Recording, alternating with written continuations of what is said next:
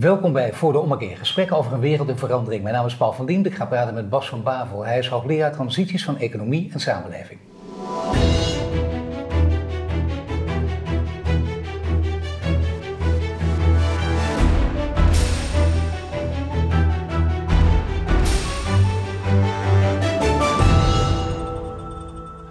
We gaan praten over uw boek, uh, nou boek, uh, Kloek Boekwerk. Het heet uh, De Onzichtbare Hand, bijna 500 pagina's. Hoe markteconomieën opkomen en neergaan. Allereerst hebben wij ooit voorspoed en welvaart gekregen door de markteconomie. Het algemene idee wat we allemaal hebben. Heeft ja. de markteconomie ons wel voorspoed en welvaart gebracht? Ja, dat is een moeilijkere vraag dan je zou denken. Ja. Want het antwoord is, op bepaalde momenten wel in het begin van de ontwikkeling van een markt kan die allerlei hele goede dingen doen, waaronder welvaart genereren, stimuleren. Maar op een gegeven moment, dat heb ik in het boek proberen te laten zien, dan is er een omslagpunt waarna de markt minder positief begint te werken en uiteindelijk zelfs hele negatieve effecten heeft. Ja, toch begin ik zo, wil ik dit even weten, zodat mensen mhm. die nu kijken ook niet denken, wacht even, is het een man die keihard de markteconomie gaat neerzamelen? Nee. Het is nadrukkelijk een onafhankelijke studie hiernaar. Ja, en uh, daarom zeg ik ook met heel veel plezier dat de markt voor mij niet bestaat. Dus er is niet zoiets als de markt die goed is of de markt die slecht is. Nee. Maar de markt die kan op heel verschillende manieren worden ingericht. En de spelregels van de markt die kunnen veranderen door de tijd. En die kunnen veranderen van heel goed met positieve effecten naar heel slecht. Zeker. Nu heb je heel veel trendwoordjes en die laten zich regelmatig uit over markteconomie. Die hebben met veel mensen gesproken en die proberen daar zinnige dingen over te zeggen. Maar ja, hoe, hoe het zich zal ontwikkelen over 20 of 30 jaar. Eén, dat kunnen we nooit controleren. Twee, zijn vaak flinterdunne theorietjes. En u zegt het is heel belangrijk om juist te kijken naar de geschiedenis. Want daar kun je in ieder geval uithalen wat echt gebeurd is. Ja, zo is het. En dus allerlei van die uh, voorspellingen die zijn gebaseerd op nou, theorieën, sommige wat verstandiger dan andere. Zeker. Uh, of misschien wel op bepaalde ideologieën, dat kan natuurlijk ook, hè, en wenstromen. Of juist angstbeelden. En als het gaat om de markt, dan zie je ook heel vaak een angstbeeld, want de markt is slecht, dus die zal slechte dingen doen. Ik denk dat de geschiedenis heeft als groot voordeel dat het is werkelijk gebeurd. En dus dat biedt de mogelijkheid tot een empirisch onderzoek. Dus je gebruikt de gegevens zoals die er zijn, zoals die tot ons zijn gekomen, om tot een analyse te komen. Dat hebt u gedaan en gekeken naar de 8e en 9e eeuw. Dan was het de, eh, de markteconomie in Irak. U heeft gekeken naar de, uh, dan moet ik het goed zeggen, de 13e en de 14e eeuw, de Italiaanse ja. stadstaten. En daarna naar de Nederlanden, dan hebben we het over de 16e en de 17e eeuw. Maar daarna, de verlichting, zo redeneren veel mensen. Hè? Dat was mijn idee, moet ik eerlijk zeggen, voor ik het boek ging lezen. En dan de verlichting en de reden. En kijk eens, die heeft ons in een lineaire lijn omhoog gehaald en voorspoed gebracht. Maar dat is niet waar. Nee, en dat is een heel breed uh, gedeelte, gedeelde misvatting. we hebben allemaal verkeerd geleerd op school dan, in geschiedenislessen. Nee, zeker zin. Het is niet alleen op school, het is niet alleen de geschiedenis. Maar ik denk dat mensen het idee hebben al, ook in politiek samenleving, wetenschap, wetenschap ook, vreemd genoeg, ja. dat uh, de menselijke geschiedenis een lijn is van punt 0 naar punt 1. Van een verleden dat is arm, onwetend, ongelijk, zonder een markteconomie, met een matig ontwikkelde of bijna afwezige technologie, een laag welvaartsniveau, naar een heden dat wordt gekenmerkt door ja, hoogstaande technologische ontwikkeling, vrijheid, democratie, welvaart, de markteconomie. En dat het één doorgaande ontwikkeling is maar geweest. Je, dat, dat, ook, maar dan vooral met de 18e eeuw, de reden van de... Dat is de versnelling voor heel veel mensen. De eeuw van de, reden, dat ja, is de versnelling ja. geweest. Niet alleen de eeuw van de reden, maar ook de eeuw van de industriële revolutie, Zeker. eind 18e eeuw. Zeker. En de, de eeuw van enorme technologische ja. vooruitgang. Gevolgd door, en dat was vroeger het idee, gevolgd door de opkomst van de markteconomie. En dus Karl Polanyi, misschien is dat een, een, naam die voor sommigen bekend is, Polanyi, een heel invloedrijke denker over de markt. Die zei, de markteconomie is doorgebroken in het eerste kwart van de 19e eeuw. In Engeland, daar is het gebeurd. Nou, daar gaan mensen heel vaak al die fenomenen aan elkaar verbinden in gedachten. En dan zal de markt dus onze moderne vrijheid hebben gebracht, dus onze moderne welvaart hebben gebracht. Ja, en voordat je het weet krijg je een soort verhaal ik zou zeggen, een soort sprookjesverhaal van de markteconomie die de mensheid voortstuwt en geholpen door de technologie naar welvaart en vrijheid, naar een soort paradijselijke situatie. Een fijn, mooi verhaal, maar u bent dan degene die het feestje komt verpesten met dit kloeke boekwerk. Nou, dat is het aardige van de geschiedenis. Dan kun je kijken van hoe zit het werkelijk. Polanyi was niet echt een historicus. En ook anderen die dat, dat idee van vooruitgang hebben gepromoot, daar hoort Karl Marx trouwens ook bij. Ja, dat was ook een vooruitgangsdenker. ja. En daar hoort Enno Smit hoort erbij. En wat, wat zij allemaal gemeen hebben is een soort stadia-theorie. Eerst zijn we primitief en achterlijk en arm en dan zo verder. Ook bij Marx. Maar dat zijn geen echte historici. En bovendien hadden ze ook niet de mogelijkheden om de geschiedenis zo goed te onderzoeken als wij nu kunnen. Dat is waar, maar er komt nog iets bij. U zegt het is ook een begin van het gesprek een kwestie van definitie. Mhm. Dat heeft natuurlijk ook mee te maken. Het is maar net hoe je, wat je onder markt verstaat. Ja, ja ik denk dat uh, met name Polanyi, die had een idee van de markt als een, een, soort, uh, een soort zuiver beeld van de markt. Een, on, on, uh, ja, een ongeschonden niet besmeurde markt, niet besmeurd door allerlei spelregels, door instituties, helemaal open. En eigenlijk zien wij nu, de afgelopen decennia, steeds beter dat de markt nooit helemaal open en vrij kan zijn. Want de markt is een samenstel van allerlei spelregels. En soms zelfs hele scherpe, hele sterke. Om maar één te noemen, de spelregel van het eigendomsrecht. Ja. En je hebt geen markten zonder eigendomsrecht. Het eigendomsrecht is een van de allersterkste spelregels die we kennen.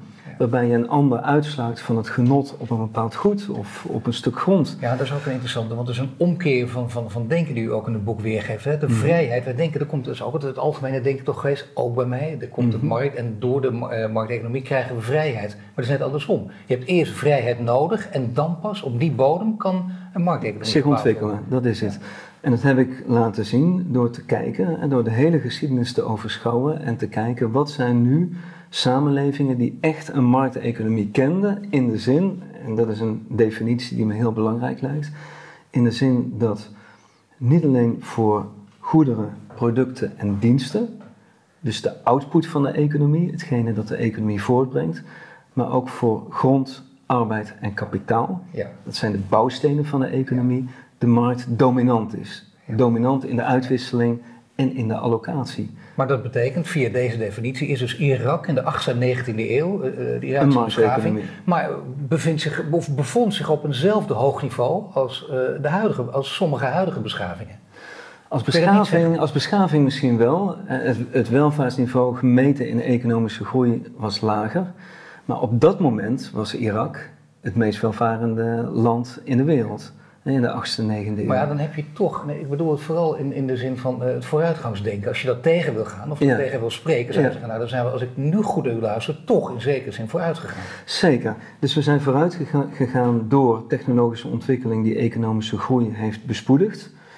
Maar dat betekent niet dat de organisatie van de samenleving, van de economie en van het politieke domein lineair zich ontwikkeld heeft. En dus wat ik zeg is dat uh, de markteconomie werd beschouwd als een modern fenomeen en gekoppeld aan de moderne welvaart. Maar ik heb laten zien dat die markteconomie al veel eerder ook bestond in specifieke situaties, zoals in Irak in de 8e en 9e eeuw.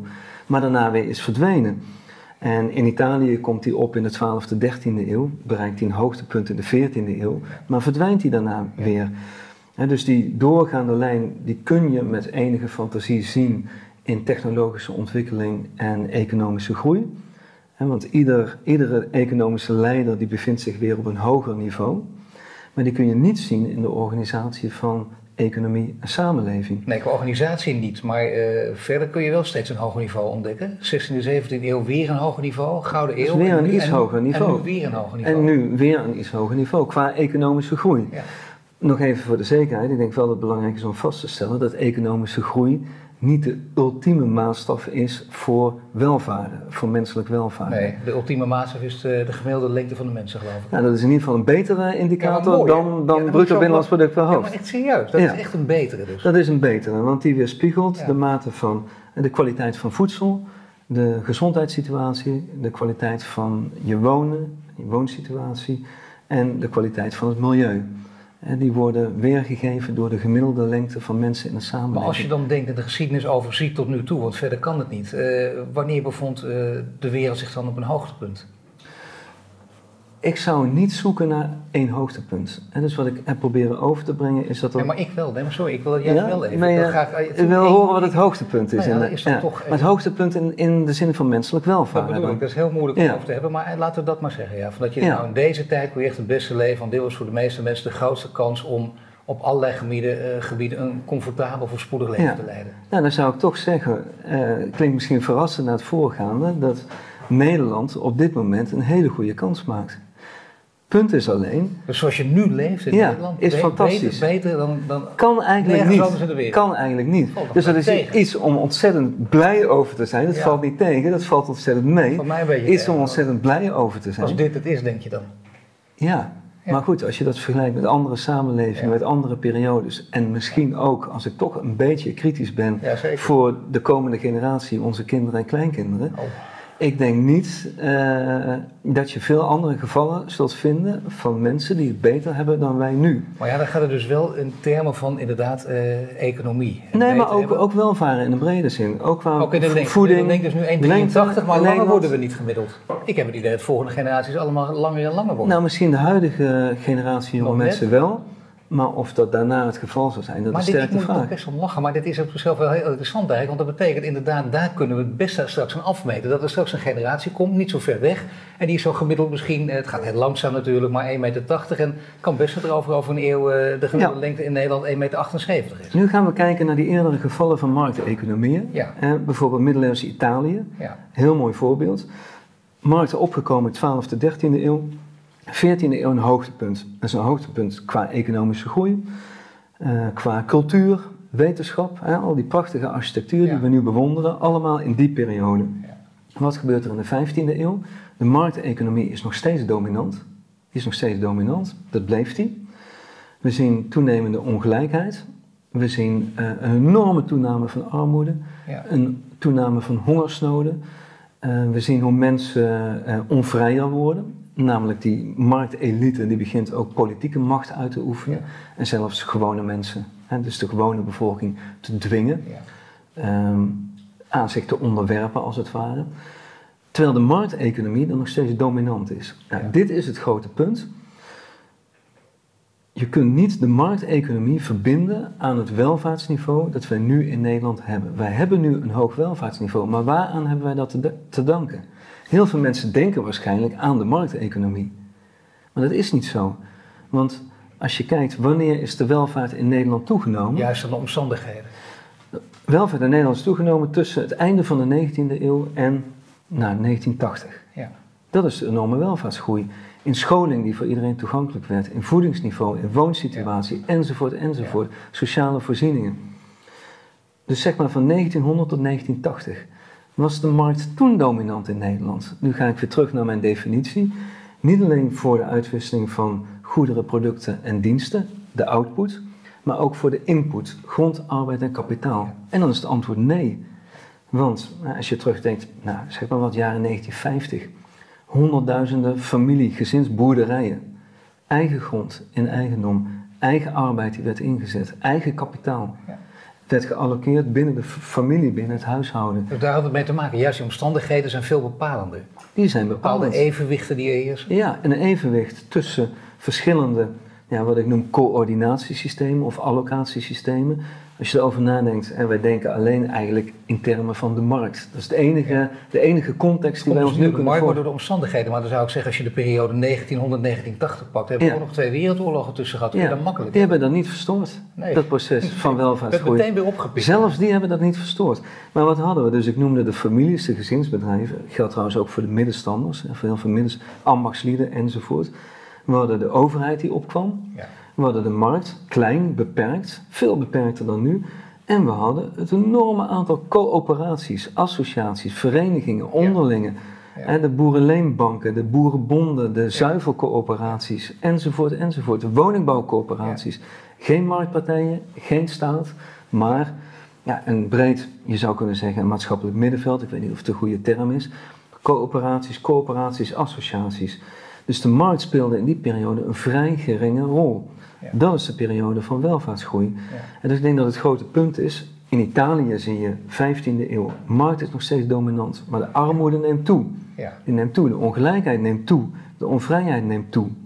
Nu gaan we naar Nederland nu, en wat je vraag was, wat is het hoogtepunt? Ja. Nou, ik zou zeggen, Nederland nu maakt een goede kans, maar dan is de vraag, waaraan hebben we het te danken? Ja. We hebben het te danken aan onze grootvaders en moeders en overgrootvaders en moeders, die gevochten hebben in vakbewegingen, in coöperaties, in boerenbonden, voor een herstel van maatschappelijk evenwicht. Ja. Want ook in Nederland was in de 19e eeuw de markt dominant. Wel in de 19e eeuw. En dat beschrijft u voortdurend, dat is die neergang natuurlijk, want zo gaat het. Hè? Wat u net zei, dan komen op een gegeven moment komen die politieke elites op en het gaat dan samen met die rijken en met, een, met uh, het vermogen gaat ook naar die, die, mensen. De gewone mensen hebben het veel minder, veel slechter allemaal. En bovendien, dat is belangrijk, die politieke elites grijpen ook de macht, macht. Met, dat vermogen dat ze hebben. En dan kun je ook naar Amerika kijken, kijken eens hoeveel geld, 3 miljard geloof ik in die, in die verkiezingscampagnes. En daardoor pakken ze ook meteen de politieke macht. Ja. Dus is er dan sprake van echte democratie? Je weet het niet, dat is het begin van de neergang. Ja, dat is precies het punt. Dus die, ehm, die politieke macht in de 19e eeuw van de elite was het uitvloeisel van onze eerste markteconomie in onze Gouden Eeuw. En dat is wel bekend, de Gouden Eeuw, ook een markteconomie.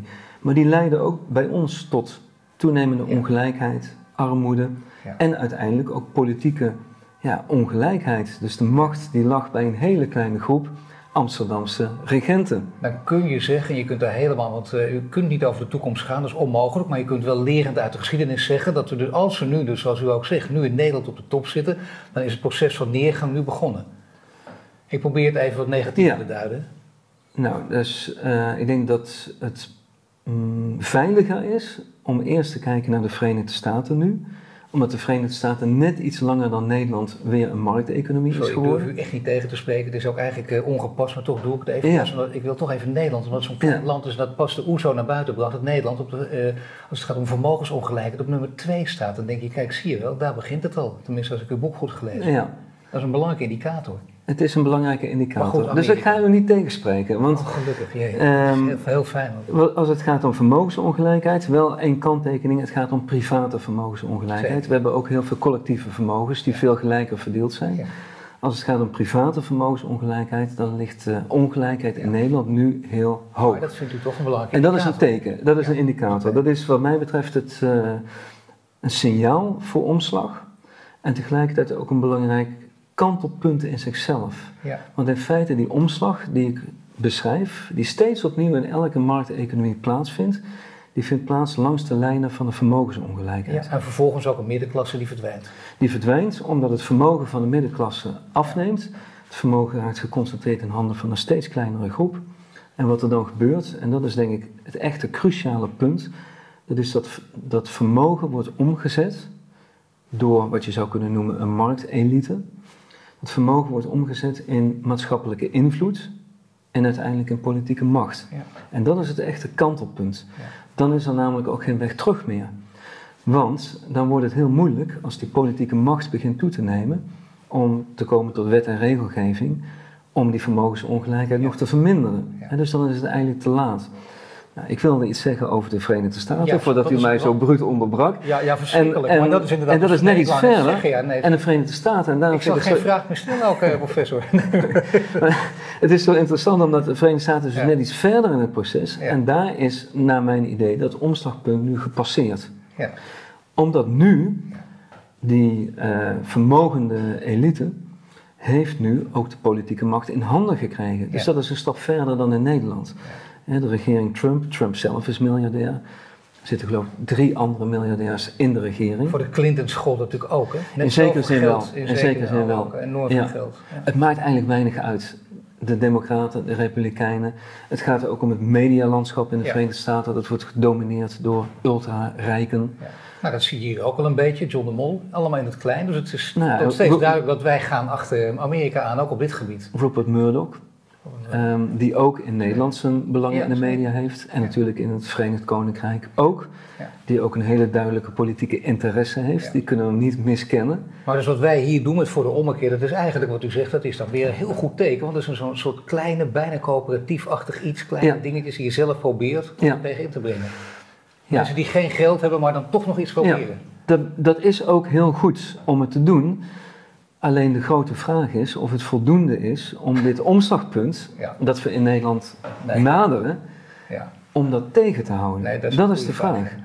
En ook of de coöperaties die er nu zijn, iedere, iedere ontwikkeling, ieder initiatief is positief, is goed. Maar ik zie toch ook heel veel uh, initiatieven die vrij beperkt zijn. Ik denk aan die uh, energiecoöperaties die je ziet, die heel, zijn heel populair. Zeker. Maar dat zijn niet meer dan een soort inkooporganisaties. Broodfondsen voor ZZP'ers, kun je hetzelfde van zeggen. Ook, ook Allemaal positieve ontwikkeling, maar toch heel klein en marginaal. Maar als we nu teruggaan naar de grote coöperaties van onze grootouders en overgrootouders. De omroepen. De boerenbonden. Ja. Dus grote zuivelcoöperaties. Uh, en die zijn duizenden, tienduizenden keren groter dan de huidige coöperaties en initiatieven. Maar dat blijft het interessante en moeilijk ook aan uw verhaal natuurlijk steeds. Hè? Want, eh, dat heeft u al eerder gezegd, maar niet iedereen heeft het volgens mij gelezen en gehoord. Maar kijk, wat hier gebeurt, het proces dat u omschrijft, is dus... Uh, je kunt er les uit leren, zou je bijna zeggen. Je zou zeggen wat er in Amerika en Nederland gebeurt, als je het al wil keren, zou je dat mm. kunnen doen. Maar het is bijna onmogelijk. Oftewel, en daar heeft u het zelf ook, u vindt het zelf ook een vreselijk woord, maar dat determinisme zit daar dus in. Hè? Het kan niet anders, het is onvermijdelijk. Ja, ja, daar wil ik wel iets over zeggen, want ik wil niet graag um, deterministisch lijken. Ik weet dat. Um, maar, zeg ik er meteen bij, ik ben historicus en empirisch wetenschapper, dus ik hou me aan wat ik vind door het historisch onderzoek. Zeker.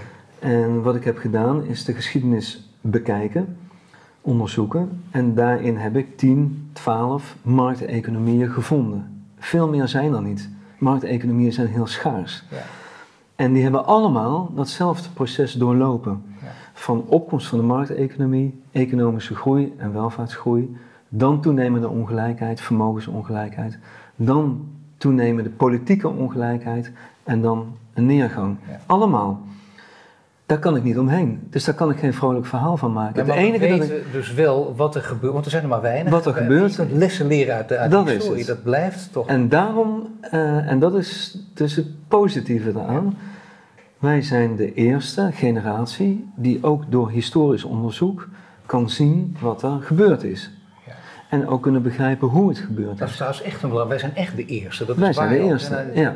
Want eh, tot voor 20, 30 jaar geleden waren Polanyi, waar we het net over hadden, Marx, Adam Smith, bepalend in het denken over historische ontwikkeling. En die lineaire opvatting van voortgaande ja. vooruitgang. Wij weten nu dat dat onjuist is. Want je had Polanyi, je had Marx en nu heb je Van Bavel. Uh, ja, er zijn nog meer mensen die ook dat beeld. Uh, ja, dat is heel sympathiek om zo. Ja, dat is heel. Dat zou toch nee, serieus, dat zou kunnen. En er zijn gelukkig zijn er veel meer collega's in de historische wetenschap en in de economie die laten zien dat de periode van welvaart, vrijheid en gelijkheid, zoals we die in de westerse wereld de afgelopen decennia kenden, dat die de uitzondering zijn en niet de regel. de eerste die het op deze manier. Misschien. Want ja. anders heeft u, heeft u iemand on overgeschreven. Nee, nou, dat, is niet zo. Ook niet gedaan. Misschien ben ik dan te bescheiden. U maar, bent te Ik weet zeker dat dat het is. Ja, maar er zijn, en daar ben ik blij om, het is een brede beweging.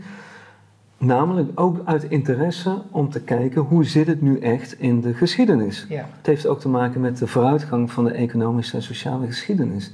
Dat we dit nu kunnen weten. En ik heb ook collega's die zijn heel erg bezig met het reconstrueren van welvaartsontwikkeling, welvaart ook in een brede zin, ook voor historische samenlevingen. Dat is geweldig. Allemaal dingen die we twintig jaar geleden helemaal niet wisten.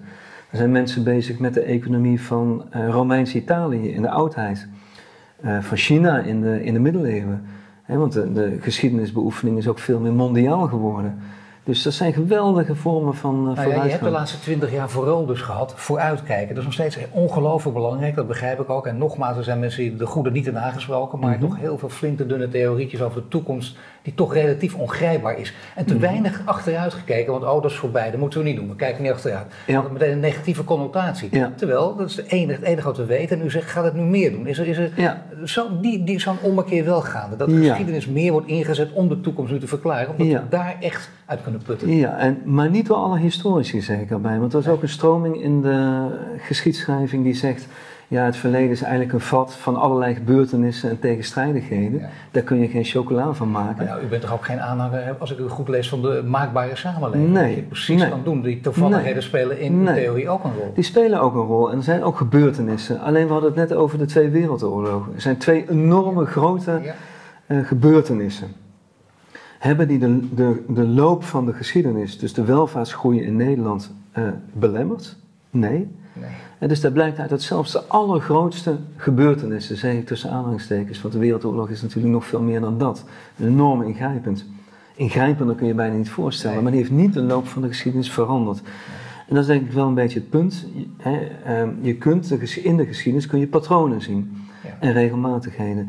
Als je die herkent, dan kun je daar iets mee doen om na te denken over de toekomst. En dat is wat ik wil doen. Daar zit mijn optimisme in, dat was de positieve noot. En misschien ook mijn antwoord tegen determinisme. Nu weten we dit. We weten ook wat de cruciale schakel is in het proces, dat is vermogensongelijkheid. En vermogensongelijkheid is decennia lang totaal oninteressant geweest voor de wetenschap, de maatschappij en de politiek. Want het ging alleen om inkomensongelijkheid. Dat is het enige dat telde. Vermogensongelijkheid deed er niet toe. Maar als we nu weten dat vermogensongelijkheid dat daar de schakel zit, dan kunnen we erover nadenken, hoe doen we nou wat Maar toch is het voor een brede publiek, eh, laten we zeggen, we praten hier nu in Nederland, al behoorlijk mhm. lastig. Want dan denk je, oh wacht even, dan gaan we de etiketjes plakken. Dat was Piketty, die is ermee begonnen. En die is mhm. omarmd door GroenLinks Jesse Klaver. Nou, dan zal Van Bavel ook al tot dat veld behoren. Terwijl u overal nadrukkelijk juist wil laten zeggen, dat merk ik als je een boek leest. Nee, ik ben een wetenschapper. Het kan me echt totaal niet schelen. U laat zich niet uh, incorporeren door een politieke partij. Of heb ik het mis? Nee, dat is juist. Dat is juist. Het enige van dat bellen, want het gaat over ongelijkheid en dan zullen ja. dat, dat kun je dan makkelijk doen en dat is ook onzin. Ja, dus in die zin is het positief dat vermogensongelijkheid weer op de agenda staat. In de media en ook in de politiek. Maar wat ik jammer vind, is dat het heel snel wordt getrokken in de sfeer van onrechtvaardigheid. Het is oneerlijk, er moet geniveleerd worden en zulke soort dingen. Terwijl niet de vraag wordt gesteld, waarom zou vermogensongelijkheid relevant kunnen zijn? Waar zit het hem in? Voor mij zit het in de uitkomsten, de gevolgen daarvan. Ik zou zeggen, als grote ongelijkheid goed is voor de welvaart van de mensen in de samenleving, dan hoe meer ongelijkheid, des te beter. Het probleem is alleen dat blijkt dat vermogensongelijkheid de schakel is, de voorbode is naar maatschappelijke en politieke ongelijkheid. Daar zit het grote risico in. Nou, nu kom ik op de coöperaties terug, want daar hadden we het net over. Een coöperatie is zo interessant omdat een coöperatie, een echte coöperatie, dus niet die inkoopcoöperaties met zonnepanelen, maar een echte volwassen coöperatie, die brengt mensen en hun arbeid, kapitaal en ook grond en grondstoffen samen in een coöperatie. De oude Rabobank is een goed voorbeeld. Dat is een voorbeeld, daar zit kapitaal in. Ja. Uh, de, uh, je kunt allerlei vormen kun je bedenken waarin je dus de input van de economie, de bouwstenen van het leven, grond, arbeid en kapitaal samenbrengt.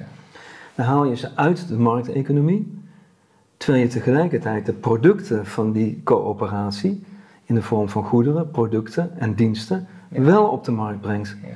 En dus ik zeg nog eens een keer opnieuw, aan de markt is op zichzelf niets slechts. Maar je moet er goed over nadenken hoe je hem wil gebruiken, in welke context. Nou, misschien is het zo, als wij weten dat vermogensongelijkheid, dat dat de cruciale schakel is. Vermogen is, als je erover nadenkt, rijkdom is grond en kapitaal. Ja. Dus twee van de drie productiefactoren. Alles wat wij doen in het leven is door het samenbrengen van de drie bouwstenen van het leven. En de, de gewone mensen hebben alleen nog maar arbeid te bieden en die moeten dan knechten onder degene met grond en kapitaal. En dat is het grote punt. Dat is het grote punt. En arbeid is zonder de andere twee productiefactoren niets. Want je kunt niets met arbeid alleen. Je moet hem altijd verbinden aan een van de andere twee. En rijkdom, vermogen is die, die andere twee. Ja. Dan zie je weer opnieuw hoe cruciaal vermogen is.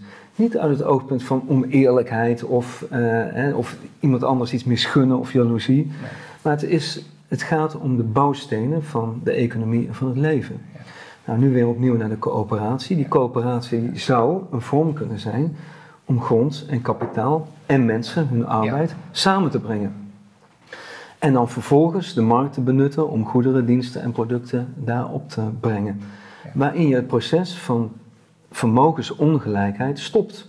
Op een hele natuurlijke, uh, vreedzame manier. Zonder revolutie, zonder uh, nivellering. Zoals het of... in alle gevallen en al die andere twaalf gevallen wel gegaan is. Dat is dan, mhm. dan is dat ook onvermijdelijk. Dat zou betekenen als we dat niet doen, als we uw boodschap niet volgen en niet te harte nemen, dat uiteindelijk hier ook, want ja, dat wil je ook niet, stel dat dit een krantinterview was, er stond er boven van Baven roepte dat er zelfs een revolutie en een oorlog aankomt, maar het is wel een, ook, ook een onvermijdelijkheid die hier normaal gesproken toe zou kunnen leiden. Ja, ik denk dat um, in al die gevallen uiteindelijk het meer een, uh, hoe zou ik het noemen, een ja, ineensrompelen is van vrijheid en welvaart. Ja. Het is het, uh, ja, het uitdoven ervan, als het ware. Het is juist niet met een grote knal. Nee. En er komt ook geen revolutie of wat dan ook. Er komen wel allerlei opstanden en relletjes en onvrede en populisme, zie je ook in al die gevallen. Het zoeken naar sterke leiders die het gaan oplossen, zie je ook in al die gevallen. Ehm, maar niet een, een, fundamentele verandering door een vorm van revolutie. Het hoeft niet per se dus te eindigen in een revolutie of een nee, oorlog. Of in een soort catastrofe. Helemaal niet. Het is het langzaam uitdoven, heel geleidelijk. Maar langzaam uitdoven wil zeggen, want dat is juist, daar ben je ook historicus voor, kun je niet vooruitkijken. Dat kan ook heel lang duren. Dat kan een De verhalen van Frank Mensen Rijk ja. hetzelfde. Dat, dat, dat heel snel ging, dat duurde heel erg lang. Ja, dus Nederland zou de positie die Nederland nu heeft ook nog decennia, dat lijkt er niet op, of wel? Of zou die dat nog jaren in een eeuw lang kunnen, kunnen volhouden? Um, Omdat u het juist net had over, we zien het nu al aan volgende generatie, dat het wat minder wordt. Voor het eerst in tijden, voor het eerst na de Tweede Wereldoorlog gaat ja. een opvolgende generatie het minder goed krijgen. Dat is het verhaal wat, wat in ieder geval... Ja, het is meer dan een verhaal. Het is ook... Uh, de mensen die zeg maar op die terreinen werken... In interview zegt het. Die, zegt, die zullen het zeggen. Mensen die iets weten van uh, onderwijs, scholingsniveau die zullen zeggen dat de volgende generatie minder hoog zal zijn opgeleid dan de huidige. Dat is ook een voorbeeld. Ja. Ik denk ook wel dat veel mensen aanvoelen dat de kans groot is dat ook de materiële levensstandaard niet hoger zal liggen dan nu. En dat mensen ook wel zien hoe, um, nou in het nieuws is bijvoorbeeld ook, en dat is dichter bij mijn eigen terrein, de, het achterblijven van de koopkracht bij de economische groei. Economische groei gaat namelijk langzaam nog door. Dat is in al die gevallen. Maar die economische groei die vertaalt zich steeds minder in welvaart. Ja. Omdat die economische groei ten eerste die wordt verdeeld op een steeds ongelijkere manier. Die leidt niet tot hogere lonen bijvoorbeeld? Die leidt niet tot hogere lonen, of in ieder geval tot achterblijvende lonen. Die blijven achter bij economische groei. En ten tweede, welvaart is meer dan alleen maar nou ja, een abstract getal bruto binnenlands product per hoofd. Ja. Het gaat juist over de dingen waarover we het net hadden, over voeding, uh, de kwaliteit van het milieu, onderwijsniveau, dat zijn de dingen die welvaart Natuurlijk, bepalen. maar zeggen we desondanks is het Westen toch op topniveau en zal het blijven. Iedereen wil niet voor niks hier naartoe, want kijk, we hebben gratis onderwijs, we hebben mm wetten om kartelvorming tegen te gaan, uh, progressieve belastingen. Wat gaat het geweldig met het Westen? Wat zijn wij een voorbeeld voor allen? Nou, ik denk dat Nederland en de omliggende landen, die zijn pas in de jaren 1980 een markteconomie geworden. Dat is wel belangrijk om even vast te houden. Zeker, dus dat die dominante rol van coöperaties, associaties, woningbouwcoöperaties en de overheid en familie- en gezinsbedrijven, die heeft pas in de jaren 1980 uh, is die vervangen door een dominantie van de markt als allocatiesysteem. Dus dat is heel recent. Dus de effecten daarvan, die treden ook pas in de decennia daarna op. En dat is een proces, ik zei net, dat ongeveer een eeuw duurt. Dus daar zitten we in. Nou, de Verenigde Staten is al langer een markteconomie. Dus daar kun je veel beter waarnemen wat er gebeurt. Nou, daar is voor de helft van de bevolking zijn de reële lonen al vanaf 1960 niet meer toegenomen. In de jaren 1960. 50 miljoen mensen ook aan de voedselbonnen? Precies. Ja. Als je daar kijkt naar de ongelijkheid, wat voor proporties die heeft aangenomen. En, en dat is dan echt voor mij het cruciale punt, het vertalen van die economische macht die ligt in handen van een kleine groep naar maatschappelijke en politieke macht, die nu plaatsvindt. Ik ben het trouwens eens met wat u zei, dat die in feite al onder Clinton uh, en, uh, begonnen is. Um, en Clinton heeft misschien zelfs wel de grootste stap daarin gezet als democratische president, ja. dat is heel frappant. Um, maar die is nu heeft hij wel weer een volgende fase bereikt. Het is nu weer een stap verder. Nou, wat is een van de eerste maatregelen geweest van de regering uh, die, die nu aangetreden is, de regering Trump? Ja. Dat is geweest het uh, sterk verminderen van de erfbelasting. Ja. Dat is gebeurd. Ja. Raakt dus aan vermogen. Ja. Dat past helemaal dat in past in dit, uh, helemaal in dit patroon. Ik heb het niet kunnen beschrijven in het boek, want het is net een paar weken of een paar maanden geleden gebeurd. Maar het past helemaal in het patroon. Want daarmee wordt die positie van de vermogenden die wordt daarmee bevestigd. En die wordt ook erfelijk gemaakt. Ja. En wat ik ook beschrijf in het boek, dat is hoe uiteindelijk we terugkeren naar een vorm van feodalisme, zou je kunnen zeggen, een soort erfelijke elite, uh, die, waarvan de positie geschaard wordt door die vermogenspositie, maar omgezet en vertaald in maatschappelijke en politieke macht. Nou, ik denk dat de Verenigde Staten daar op dit moment al heel ver in zijn. Je kunt je ook niet meer voorstellen hoe die ontwikkelingen omgekeerd kunnen gaan worden. En dan moet, moet toch ook denken aan, uh, hè, is, nominaal is er een democratie, maar waar halen mensen hun informatie vandaan om te gaan stemmen? Uit welke, via welke media, welke informatiekanalen? Hè, de, via internet, via Facebook, via, dus via infrastructuur. Want het is niet alleen een bedrijf, er wordt wel eens gesproken over een bedrijf. Maar het staat ook allemaal onder druk. Dat betekent dat uiteindelijk staat dus ook de, democratie onder druk. En uiteindelijk zal daar het proces van opkomst en neergang is bezig. En zal dit ook tot een onvermijdelijke neergang leiden in Amerika. Als er niets gebeurt. Ik zie zelfs niet, daar ben ik nog pessimistisch over. Ik zie zelfs niet hoe in de Verenigde Staten dit proces nog gestuurd kan worden. Ik denk dat we in Nederland, in Noordwest-Europa, hebben we een betere kans. Want we lopen een paar decennia achter op de Verenigde Staten. Ja. En we zijn nu nog maar bezig met het proces van toenemende vermogensongelijkheid. Ja. Want dat is al wel te zien, private vermogensongelijkheid. Als we dat proces nou kunnen media, stuiten... mediagebied is er ook een en ander aan de hand, maar toch... Ja, ja, dat heeft wel te maken inderdaad met die vermogensongelijkheid. Van die mediabedrijven zijn vermogen. Tuurlijk, en mededinging en, en de kartelvorming wordt tegengegaan in Nederland. Maar de grote partijen, waaronder de MOL, roepen nu ook al... ja, maar dat kun je niet tot Nederland beperken, want dat is gewoon een internationaal proces. Dus dat moet je zo niet zien. Dus hier mogen de grote bedrijven wel samen gaan. Dat is ook alweer een volgende stap. Ja, dat ben ik wel met u eens. En ook als je ziet vrij ja, bescheiden opvattingen die in de politiek... en ook bij het commissariaat voor de media daarover leven... dat vind ik zorgwekkend... Want dat schept ruimte voor monopolisering van bijvoorbeeld nieuwsvoorziening. En uh, dat is dus wel een eerste stap. Daar ben ik het wel mee eens. En zo beschrijf ik het ook in mijn nawoord. Een eerste stap van het omzetten van economische macht naar maatschappelijke invloed. Ja. ja. Dus dat maar zie je dat globalisering dus hier uh, op een hele slimme manier, uh, als je tenminste even zo achterdochtig bent, door de mediamologen misbruikt wordt? Ja, op een slimme manier misbruikt wordt. mondialisering is een feit.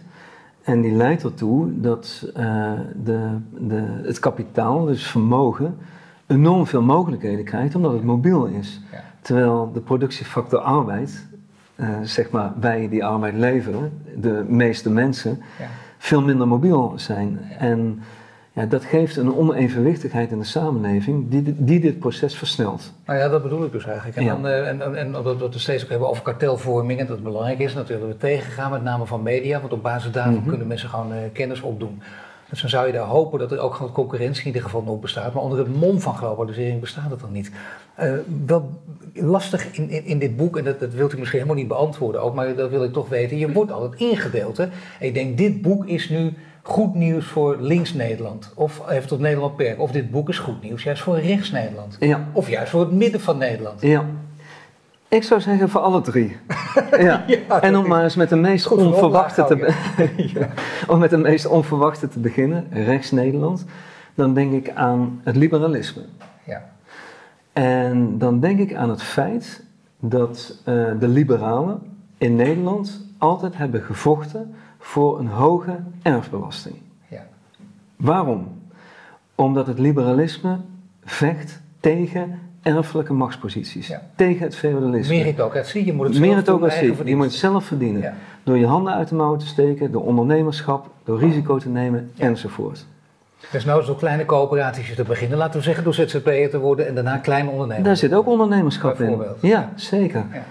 Dus ik zou zeggen dat voor Rechts Nederland is dit goed nieuws, dit boek, omdat je zo inspiratie kunt opdoen over de bron van de liberale beweging in Nederland, die zich juist als sterkste gekeerd heeft tegen die ontwikkelingen en die negatieve ontwikkelingen waar we het net over hadden. En dat leidt misschien tot een herbronning van de liberale beweging in Nederland. Ja, en dat dan herbronning van links, twee. Herbronning van links. Um, ja, dat vind ik dus eigenlijk een moeilijke, dat merkte u ook, daar moet ik iets langer over nadenken. dat mag ook. Ik denk dat um, er een misverstand is in Nederland over wat links is en wat progressief is. En misschien is die gelijkschakeling van de twee um, ongelukkig geweest. In de zin dat um, opkomen voor, voor emancipatie, uh, voor en andere meer progressieve agendapunten niet hetzelfde is als fundamenteel na te denken over wat wij doen met de bouwstenen van het leven, grond, arbeid en kapitaal. Ja. En die begrippen zijn ook in links Nederland, maar ik zeg dan misschien eerder in progressief Nederland, ja, wat op de achtergrond verdwenen. Daar is niet meer zo heel veel over nagedacht. Misschien uit de gedachte dat dat wel af was. We hebben de verzorgingsstaat, we hebben een progressief belastingstelsel. Dat hebben we nu gehad. Nu gaan we werken aan andere punten. Ja, dat is in feite begonnen bij Wim Kok natuurlijk, die het al riep. Nederland is af. Maar dan kun je zeggen, daar zit dan toch de boodschap in voor links-Nederland. Dat is de boodschap van links-Nederland. Of het goed nieuws is, dat weet ik niet. Maar het is in ieder geval een boodschap.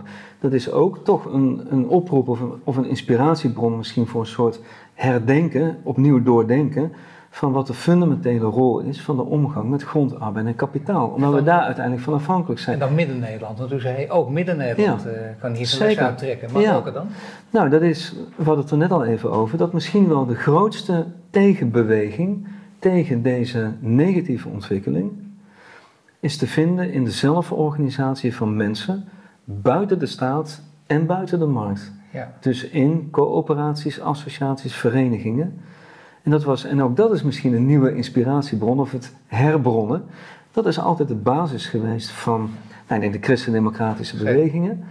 Um, die ook daar, nou is eigenlijk hetzelfde gebeurd, totaal op de achtergrond is geraakt. En die hebben eigenlijk hun, ja, hun uh, bescherming over dat maatschappelijke middenveld nou, verwaarloosd. Ja. Um, waardoor bijvoorbeeld de woningbouwcorporaties, die zijn ontmanteld als echte corporaties. om een voorbeeld te geven, de Rabobank als coöperatie wordt op dit moment ontmanteld. Hè, uh, met de aandelen. Uh, en dat is allemaal eigenlijk, ja, stilletjes is dat gebeurd, zonder dat iemand zich daar druk over heeft gemaakt. En misschien biedt dit dan een inspiratiebron om te denken, ja, misschien hadden we dat wel heel erg nodig hebben we te veel vertrouwd op de markt die voor economische groei zorgt en de staat die zorgt voor progressieve herverdeling. Nu blijkt, de markt zorgt niet altijd voor economische groei, want die neemt af, nu we in die negatieve fase raken. En de staat, die wordt ja, toch geknecht door de marktelite steeds minder goed in staat om die herverdeling tot stand te brengen.